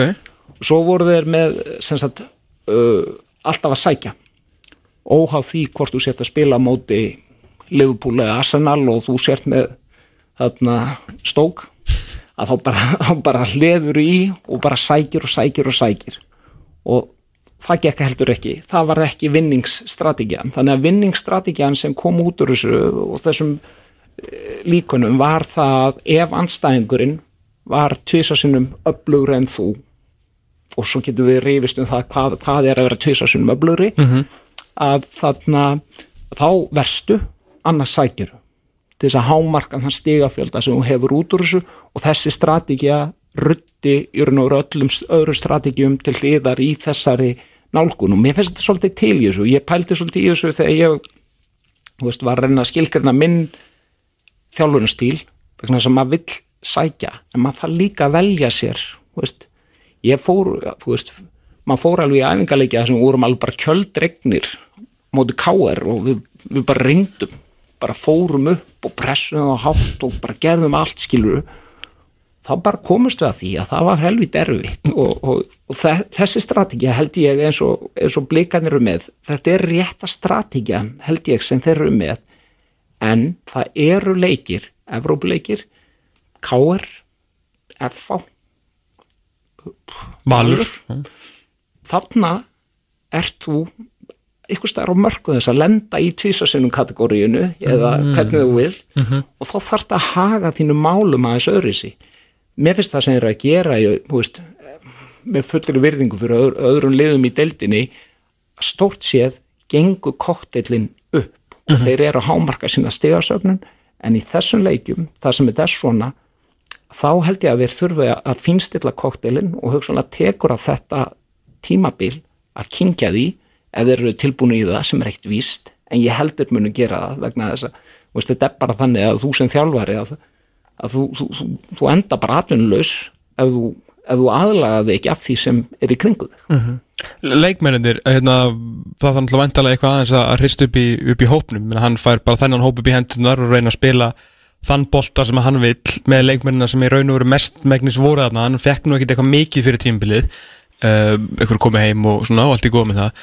Uh, hvað er svona, þú veist fyrir okkur sem að vitum ekki meira en, en bara að horfa á leikina, hvað er svona á ennskunni svona the glaring weakness? Svona sem, að, sem að hann þarf að adressa bara svona strax. Þú myndist hvað sem á kannski sterka miðjumann hann en er það svona sem að rópar á því mest? Ég, mér, mér, mér finnst það, það sem er svona ég held að, að, þarna, að þessi nálgun þessi, þessi ítalska nálgun á svona leikstjórnanda og Mikkelsen sem sem þarna uh, svona marka skorra algjörum að ég allavega þessi leikstjórnandi þarf að vera í svo ofbúslegum sérflokki til þess að þetta virki veist, þetta eru gæjarnir sem voru Totti og veist, þetta eru, eru ítölsku listamenni sem voru Platini og þetta eru, þetta eru þessa típur. Roberto Bacci og, og þú týnir þetta ekki upp á götun á Íslandi Nei, nei. Og, og þannig, að, þannig að ég held að, að fyrirmyndir sem menn eru að leita í þannig að það, þetta er og, og með fullri verðingu fyrir Brynjólu þetta er strákurinn tvítut mjög hæfileikar ykkur og flottur í fótbolta margan hátt en, en þetta er eh, oftar en ekki ekki svona leikmenn sem eru búin að gangi gegnum margt örfnir reyndir og, og kunna leikin og, og þekkja mómentin fyrir sendingarnar. Og, og hann er bara ekki komin þanga á sínu ferli finnst mér. Erum við, að tala um bara, þú veist, ef við myndum bara taka Kristinn Frey bara upp á tarporinu og sér droppa honum að því tíuna? Er það svo svona að segja kannski?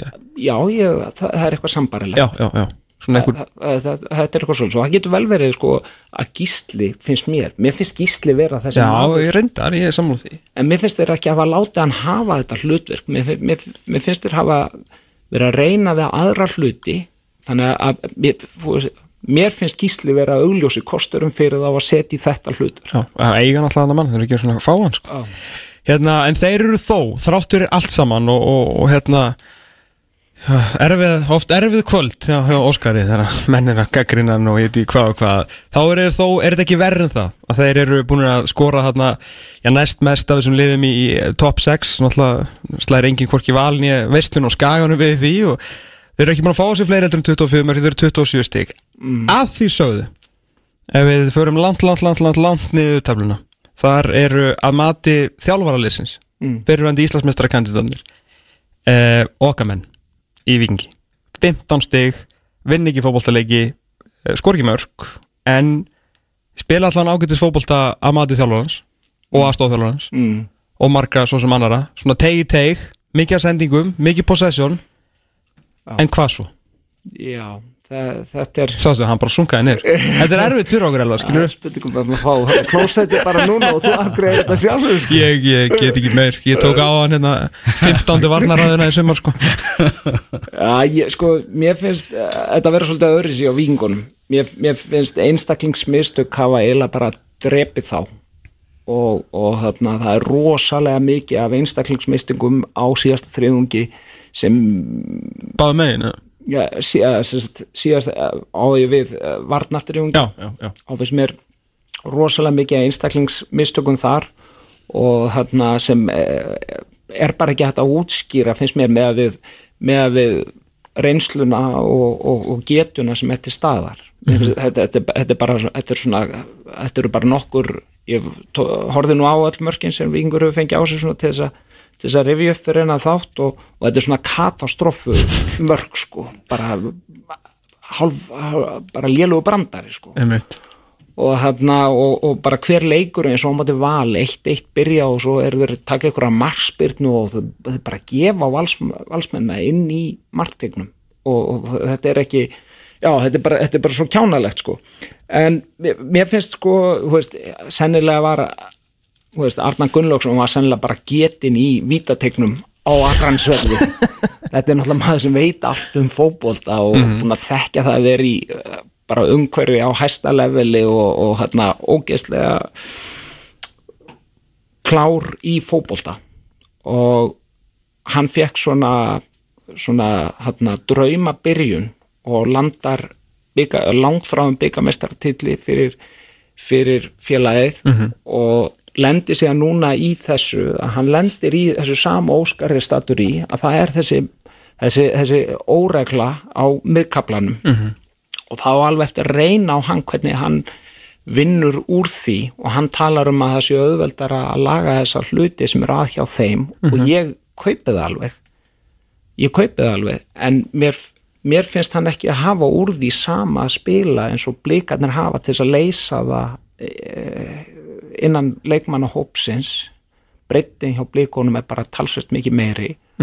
Og því miður finnst mér svona stefni í það í haust að, að, að, að maður spyr sig hvað, þú veist tekur Sölvi annað tímbil, tekur Kári annað tímbil, hvað gerir Halldórsmári Yngvar, þetta Yngvar átti að vera svona risastórt sæning fyrir félagið og, og svona stórt skref fram á við og, og það hefur ekki reynst það, bara því miður. Og ég held að hann sé ábyggla fyrstu til þess að rétt upp hönd og segja bara ég er ekki búin að spila vel í sumar sko. eða ég vil trúa því að hann, hann myndi gera það. Og hann þannig að, að nú reynir á Arnar í þessu að ég raun og veru að, að, að hræra koktelin betur, nú missir hann þarna Ótta Magnús sem hefur verið svona bara skora helmingin á mörkunum fyrir liðið. Af þessum fáumörkum af þessum fáum mörgum og sum þeirra, hvað segir maður, með hreinu einstaklingsframtæki þannig að, að það þarf að, að þarna, hugsa svolítið leikliðsins upp á nýtt. Og ég, mér, mér, mér finnst það, sko, eins og í þessu þeir, þeir pressa og það, á því er engin vafi. En, en hvað svo? Þegar þú ert búin að vinna hva- hvað þá? Hvað ætlar að gera og hvernig ætlar að vinna úr þeirri stöðu og, og, og, hérna, mér finnst ég ekki að alveg séð það alveg skýrt. Mér finnst ég ekki sjá alveg bara veist, það er bara skýrt plan þeir að neglunum upp í toppin og fá miðjumann upp í gegn. Mm. veist, eða fara á gagstaðan kantmann og, og, og fara þannig. Veist, ég, ég bara, ég átta mikið alveg á því hver plani er þegar þeir vinna boltan finnst þér að hafa farið út úr mótunu eða svona the mold skilur ekki, ekki, ekki the tournament skilur út úr svona hugmyndafræðinni? Út af, eða svona í, sérst, í þessari niðursöflu Já, ég, ég held að, að sko sjálfströsti hjá talsvörnum hluta leikmannina sé svolítið beiglað -hmm. og þeir vildu allir meira á þessu tímbili og væntingabóðin var spenntur talsvert hátt. -hmm. og ég held að það hefði unni á móti uh, nokkrum þeirra í því að geta performara vegna þess að ytri, ja, ytri þættir voru bara að þvinga framistöðu þeirra. Þeir voru, voru ekki að pæla í ferlinu sem slíkur að, að, slíku að verða betri. Þeir voru held ég meira að pæla í niðurstöðinni að vera í baráttunum Íslandsmeistaratitil og verja byggamestaratitil en bara ferlið að komast í það að það er að, að, þarna, að bæta leikliðsins frá síðastímbili að, að þarna, koma inn með nýja element í liðið vegna þess að það, það er ekki hægt að gera alltaf bara sama hlutin. Meina við sjáum það bara kúvendingu finnst mér á valsliðinu frá því í fyrra. Bara nú er þetta bara eitt sterkasta transition eða svona umpóluna lið á Íslandi og eitt sterkasta varnalið ef ykkur hefði sagt það um valsliði í fyrra hann hefði bara verið settur hann á geðdil það er góða búndur já, það er hérna vonandi þetta fara eitthvað eitthva aðeins, að, aðeins að lagast. Herru, ég réttilega að eh, benda það eh, Brighton eh, sem að er að fá það sem að þeir eru að skilja út úr þessu leik er að jafna á 50 mínútu í uppbóta tíma gegn Manchester United. Bruno Fernandes ákvað að sinna ekki varnarleik og fór sér hann að gráta út af því. Kannski verið betra bara að vinna vinnuna ekki gráta eftir á, en það er hann Solly Martz sem er að jafna og þessi leikur mun enda 2-2, þannig United verður með heilt fótballastig Nákvæmlega, fyrir betri við þennan leika á eftir. Mm. Herru, við ætlum fyrst við fengum við í húsarnar langa okkur aðeins að hérna, fá að tala við um hérna, svona framþróun í, í íslenska boltans við vorum að láka á línu hérna fyrir viku síðan og við, höfum, og Elvar höfum alltaf verið mjög hugsi yfir þessum úrslitum okkar í, í Európa-deldinni uh, og Európa-keppnum og við náttúrulega hérna, reynum hvað við getum alltaf til að laga íslenska fótboltan þannig að nú erum við á, á vegferð með það með, með góða mönnum. Uh, Klagsvík vinnur Tbilisi 6-1 peningarnir sko þeir þeir eru sko fljúa um sundin blá hana í, í sjókvíeldunum í, í færium að happy go lucky, allt að gerast þar. Þú komst nú aðeins inn á þetta þú varst hérna hjá okkur svona síðast og hefur alveg skoðanir á þessum málum. Uh, þetta er náttúrulega mjög opið spurning en þetta er bara svona að leifa þær að, byrja. Hvað hérna, hvað er svona já, hvað að segja, hvað er að? Ég veit þetta er svo stærsta sem við kannski fengið en svona hvað hva, hva er að draða svona svakalaftur Ég, ég held að sé á ýmsustöðum, ég held að Arnar Viðas hafi hitt eh, naglan á höfuðu að hluta til með það að, að formið á leikmennu hér að það, var, það er ekki nógu gott. Nei. og, og, og þarna til þess að sérst að keppa í Evrópikeppni að, að þá þurfa leikmenn bara að vera aðeins meira fitt og það þýðir nú ekki endilega að það sé æft mikið meira heldur en við erum að gera.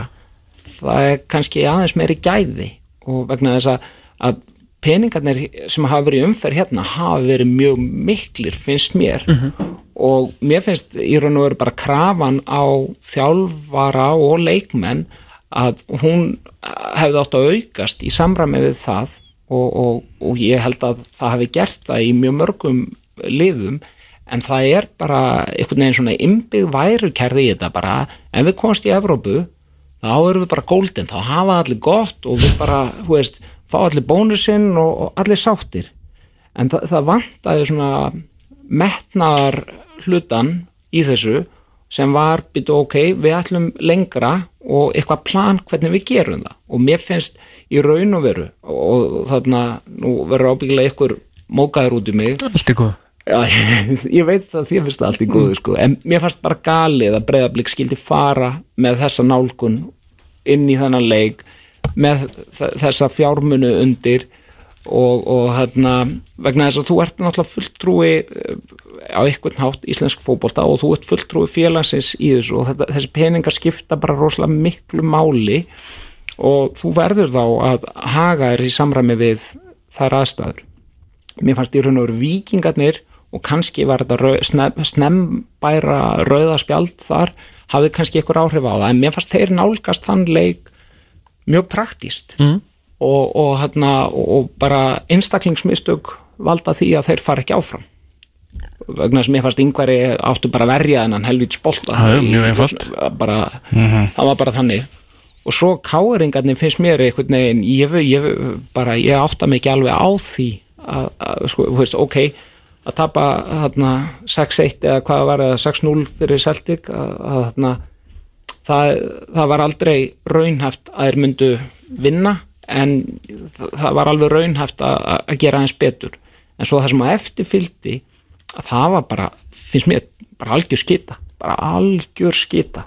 Og ég held að þetta sé annars vegar þessi þessi eh, líkamlegi þáttur og svo hins vegar er það að við þurfum þjálfararnir og leikmennir við þurfum að gera meiri kröfur til okkar um, taktíst til þess að geta unnið þess að leiki Evrópikeppni vegna þess að þeir eru þetta er keppni í þólumæði og þetta er keppni í því að býða eftir þessum tveimur, þremur opnunum sem þú færði í og halda einbeitingu vinna eins og rotta og þá ertu búin að vinna þér inn þá stöðu að geta unni leikin en að fara gung-hó út í þetta það er bara döðadæmt Já. algjörlega döðadæmt og svona til að taka undir þeir orða það náttúrulega fyrir sko að því að við erum náttúrulega búin að K1 fer og tapar hérna fyrir Flóru Tallinn og svo eh, náttúrulega Ríka frá, frá Lettlandi tapar ekki nema 1-0 fyrir Celtic. Þeir, ég sá ekki þar leiki viðkjöndi, ég var ekki að poppa yfir Ríka Celtic en ég ætla að giska að þeir hafa farið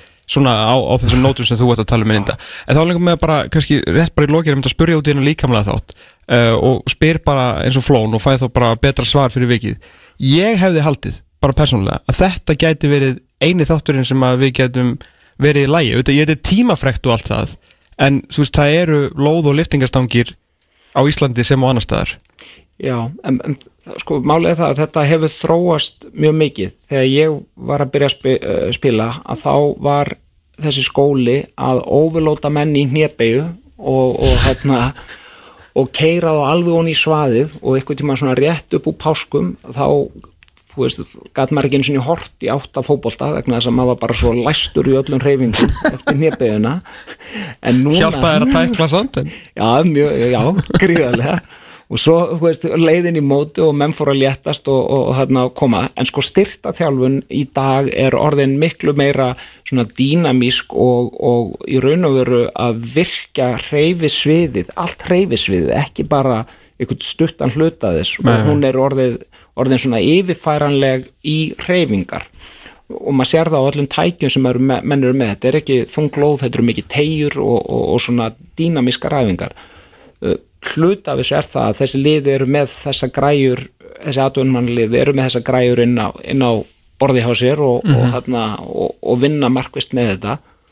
Og hluti er uh, metnaður og einbeiting leikmanna til þess að gera þetta. Og, og það er, veist, þetta bara er þannig að þeir, þeir þurfa að finna þessu tíma uh, að minnstakosti þrisa fjóru í viku vegna þess að ég held í einfældin minni allavega held ég að þetta væri þannig að maður bara yrði sterkur og þá væri maður sterkur.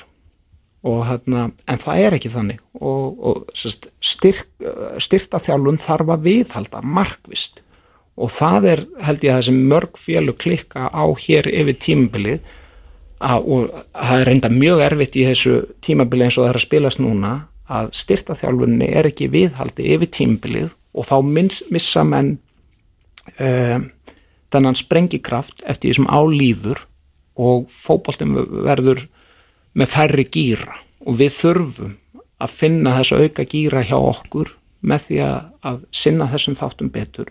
Og svo er það hitt að ef það er vitað með, veist, við búum við það við erum með lengsta undirbúnstimbil í heimi og það er vitað að við séum að fara að keppi í Evrópikefni og sum liðana hafa verið að fara út og spila á móti virkilega góðum liðum um og upp úr páskum. Fara jáfnvel tvær ferðir, eina í byrjun ás og aftur um páska. Og ég gef mér að mennsju í þessum leikjum að leita að anstæðingum sem eru á svipuðu level eins og það sem myndi mæta þeim í Evrópukefnu og séu að drilla þetta í drasl þannig að þeir séu undirbú Evrópukefna í januar og april ég bara gef mér það en ég er ekki vissum að sé þannig. Og það þarf að vera þannig til þess að menn séu tilbúnir í þetta þá þurfa að leggja inn fyrir þessum lotum. Þeir þurfa að leggja inn þarna í þessum æfingaferðum alveg markvist og geta síðan það aftur upp í aðdraðanda leiksins. Og þa þannig að, að áætlun, plani fyrir hvernig þú ætlar að performera í þessu að það þarf að vera skýrt frá fyrsta degi, við erum að fara í þetta mót þess að undirbúa þennan leik á þessum tímpúndi og við munum við munum spila þann leik svona óháð því hver anstæðingur er vegna þess að við vitum að hann er af þessari starðagráðu og þá þurfum við að hafa x, y og setja í lægi til þess að geta unni leikin og ég veit ekki hvort þetta sé svona. Ef ég var að gera þetta, þá myndi ég gera þetta svona og, og þarna ég bara vona að menn sé að vinna svona, en maður sér það ekki sko. Ég man eftir bara hérna 2012 eða 13 þegar ég var á, á morgunblæðinu og var náttúrulega líka að sjálfsögðu hér og við náttúrulega döluðasti manna af öllum að fara á þessu undirbúnisleiki að þá sá ég emitt bleikaliðið hans Óla Kristjáns á þeim tíma vera hérna að eh, sem að spiliðu nú alltaf bara fjóra þá þrá nokkuð, nokkuð hefbundið voru í 5-3-2 eh, í undirbúnismótinu í svona á völdum leikjum og ég bara, ok, hvað ætlar hann að fara að gera við þetta? Nákvæmlega sem Arna var að segja fór með 5-3-2 inn í Európu unnur skilur, þannig að þarna var hann ekki og ég held að fyrirsögnum mínu mokkan hefði myndi verið þú veist það sem þú býr til í februar nýtist í júli sko. þannig að þannig, að þannig var það. Ég held að Óli hafi nefnilega verið uh, ansi mikið á undan í þessu. Já. og ég, uh, þú veist, ég, ég veit ekki hvernig það var hjá hinu liðun núna en, en uppskeran segir manni að það hafi eitthvað vantað upp á undirbúningin ekki spurning, Arna, takk hjá fyrir að koma. Geggja að fá þig, uh, hrigalega gaman. Uh, við ætlum Hér, að, hér á eftir þá þurfum við að ræða þennan ótrúlega leik Brighton og Manchester United. Því að hann fór ekki 2-2 á endanum. Eftir að Varsjáin glemdi að þú veist, hún alltaf er, var svolítið mikið á bandi Manchester United á síðustu leitið var ekki góðið í fyrstu umferðinni það er búin að laga það allt saman. Varsjárvíti þegar var hann ekki búin að flauta Hann var af? búin að flauta leikin af og þurfti að flauta aftur United- á Veistla, Og fekk það er veistla framundan en við erum með, uh, ég man ekki sem hvað hann heitir við erum með nýja rödd. Nýja rödd hérna rétt og eftir. Já, ætlum að fara yfir Manchester United uh, Brighton, Arna, takk ég aftur kjalla fyrir komuna. Takk fyrir. Ég skal segja ykkur það að hátægisleiknum í ennsku úrvarsleitinni var að ljúka Brighton 2 Manchester United 3 Þetta var einhver allra ótrúlegasti fótballleikur sem hefur verið spilaður bara í, í háhærans tíð held ég. Því að Sigurmark Manchester United kom eftir að búið var að flauta til leiksloka. Já, hún var ekki, ekki, ekki eftir vennu á leiktíma hún bara eftir leiktíman Ákvæðlega Brighton jafnaði 2-2 á 9050 mínútu. Sigurmarkið kom á 99-45 það er svoleiðis. Já, og það er bara hefur ekki verið skora setna í úrvarsleitaleg síðan að Juan Mata skoraði fyrir Chelsea gegn Norwich 2011, skal ég segja ykkur. Já, Kavanagh var búinn að flauta leikin af þegar hann ákveður að kíkja fær allt innu bendingum það í var að, að hann þurfa að fara að kíkja í skjáin finnur hendi hann og það er vítaspilna sem Bruno Fernandes skorar úr. Af gríðarlegu öryggi Gríðarlegu öryggi og úr varð þetta, þetta sigumark. Friðrik Már Ævarsson er á línunni meðlum með Rauðu Djöflana, rauðudjöflarnir.is Friðrik, hvernig var fyrir Manchester United stuðnismann að að horfa á þetta rugl sem að þarna var í gangi? Já, húf, ég er ekki komin niður en þá, það er ekki það. Ég er svona, hef yfirleitt verið svona þegar rólur maður þegar ég horf á leiki en, en ég man ekki eftir að hafa fengið já, upplýða jafn mikla tauga spennu og, og einhvern veginn já, ég vissi eiginlega ekki hvað var í gangi. Ég veit ekki til þess að leikur hafi verið flautaðar af og, og, og svo á aftur og, og já, en hann faktisk flautaði leikin ekkert aftur á? Það var bara nei, vítið reyndar ekki. að því að þú veist, þeir eru taka til með skulusspöldum tilbaka þá gera það svona svan, þetta er ekki guld og þú fari raukt en það er ekki komin handabending um að flauta leik aftur á sko.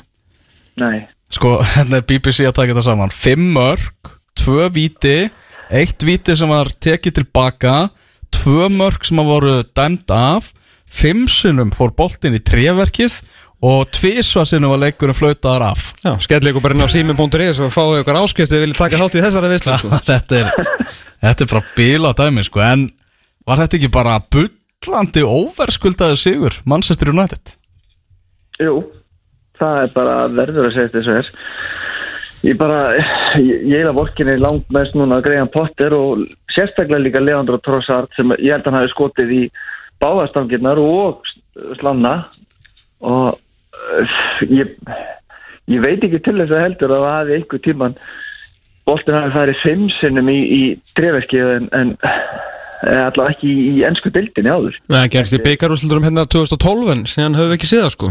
Þannig að þósararnir senda fimm serjum hjá káringurum Æ, hérna, ég meina að þú veist þessi dramatík og gleði og svona náttúrulega flotti leikur og þessi þrjú stig munu eitthvað að slá ríki og fólk sem vantilega eitthvað aðeins fram eftir vikunni. En, en hvað segir United maður bara um, um frammi stöðuna? Og greinlega við vorum að horfa á þetta með öðru augunu hún virtist alveg skömminni skárri í, í, í Vissulega, sko, ég meina uh, United fór frekar óveðskuldað hérna inn í inn í hálfleikin með uh, jaft, jaft en, en Brighton menn eru þeir hljóta að vera gríðarlega vonsveiknir af því að þetta, þetta var mjög ósangjart og í rauninni erfitt að segja með þess að United hafi átt endilega stíl, skili stík út af þessum leik. Já. En svona er er veist, maður hefur alveg fengið maður hefur lefnt í því á hinn veginn líka og þá er kannski bara líka nóni í tjómanni þannig að maður, maður vorkinni rosalega eh, þessum breytan þessu breytanliði og vonandi bara náður að rífa sig upp fljótlega eftir þetta. En nei, svona heiltið þegar maður lítur á leikin og ég tala ekki um fyrir svona hlutlösa, augun þá var United langt undir pari á- í þessum leik og, og Brighton mun sterkari og ein, ein, einhver einmitt inn á, á reyðstjórnarsíðinni hjá okkur var einmitt að tala um að United væri að taka út alla sína hefni í þessum leik Já. og ég er ekkert frá því að það er gert á sama tíma og Brighton hafi tekið út bara nánast alla sína óhend Þetta er bara, leik. ég er að skoða með tölfræðina bara sko 18-7 í skotum, Brighton meira með boltan 7-1 í hotnum og eina, eina tölfræð þáttur sem United vinnur það eru skoruð mörg Já, sem að reyndanum er það sem skiptir máli. En segðu okkur fyrir, sko, talan fóru lélegir á móti Palace uh, ekki góðir á móti Brighton þá þráttur þessi þrjú stygg detta aðnin það eru einhverjar tvær vikur tæpar uh, eftir að félagskipta markanum uh, Óli Gunnar með Holy Moly sitt sterkasta lið inn á í dag liðið sem að dró ykkur inn í meistaradildina uh, með, með að við leikja álægið uh, framistöðuna þarf að vanta þarna einhverju 2-3 úr Holy Moly í síðasta leik. Hefur ekki bara verulegar áhyggjur af bara komandi leikjum á mánuðum? Jú, það er þetta það sást alveg á, á síðasta undir lók síðasta tímabil sem við áleikurinn er hann, hann er ekki að treysta öðrum heldur en þessum starting í lefn Mhm. það er bara þeir og ekkert annað. Og ég meina við sáum það líka í hérna, deildarbyggjarnum á móti hérna, það- við vorum ekkert að geta reytt okkur á eh, svona eiginlega bíliði, það var bara Maguire sem að var að spila hann leik sem að byrja hérna, palasleikin Mhm. þannig að, jú, er þessi leikti verður maður að segja, unprecedented. Það að verður leikjálaði verður fáránlegt. Og, og, og ég sé ekki að við séum við erum ekki með nógu góða breytt til þess að geta verið í öllum þessum keppnum það er bara ég, ég, við, við tökum einhvern veginn við, við viljum vera með allavega tvo frábæra leikmenn að berjast einhverja einustu stöðu en eina, eina þannig staðan sem við erum kannski með það eru markmenninni sem er kannski svo Og það eru- eru þurfum sko. Já, það sem við þurfum ekki að vera með alveg brjálaðislega bara um, um hérna, stöðu í byrjunarliðinu. En veist, jú, við náttúrulega erum búin að kaupa Donny van de Beek. Frábær kaup. Uh, mjög óvanalegt fyrir United að ganga frá því bara svona 1-2 og bingo. En svo erum við ekki með neitt annað. Og það, jú, ég hef verulega ráðugjur það er eins og þú segir, það er einhverja tvær vikur eftir af félagsskipta glögganum Mhm. og jafnvel þó að því nú er náttúrulega mest búið orð okkur við Dayton Sancho, það er hlórið ennin langa villisann og, og svo Alex Telles eða ég, jafnvel þó þið hefði fengið þessa leikminn eða jafnvel þó þið fáum þessa tvo leikminnin þá sé ég samt ekki að við, við séum með nægilega næja breytt til þess að vera í einhverju sko, við erum ekkert að saksa á þetta svakalega bil á liðin fyrir ofan okkur. Og liðin í kringum okkur eru búin að vera að styrkja sig. Sá nú bara Chelsea sem að enda henni jafnmörg stig og við. Þeir eru nánast búin að kaupa heilt byrjunalið og, og, þann, og við erum búin að bæta við einu manni sem er ekki einu sinni byrjunarliðsmaður. Þannig að jú, ágjörnar eru miklar. Mm, Og sama tíma, ég meina, Liverpool er ekki að synda í peningum þessa dagana sem að þeir hafa alltaf fjárfest gríðarlega í, í félaginu sínu. Þannig að, þú veist, lausafið er kannski ekkert mikið En samt fara þeir og ná í tvo ansi flotta leikmenn fyrir, uh, hvað, 35 pluss 55 miljonir punta svo.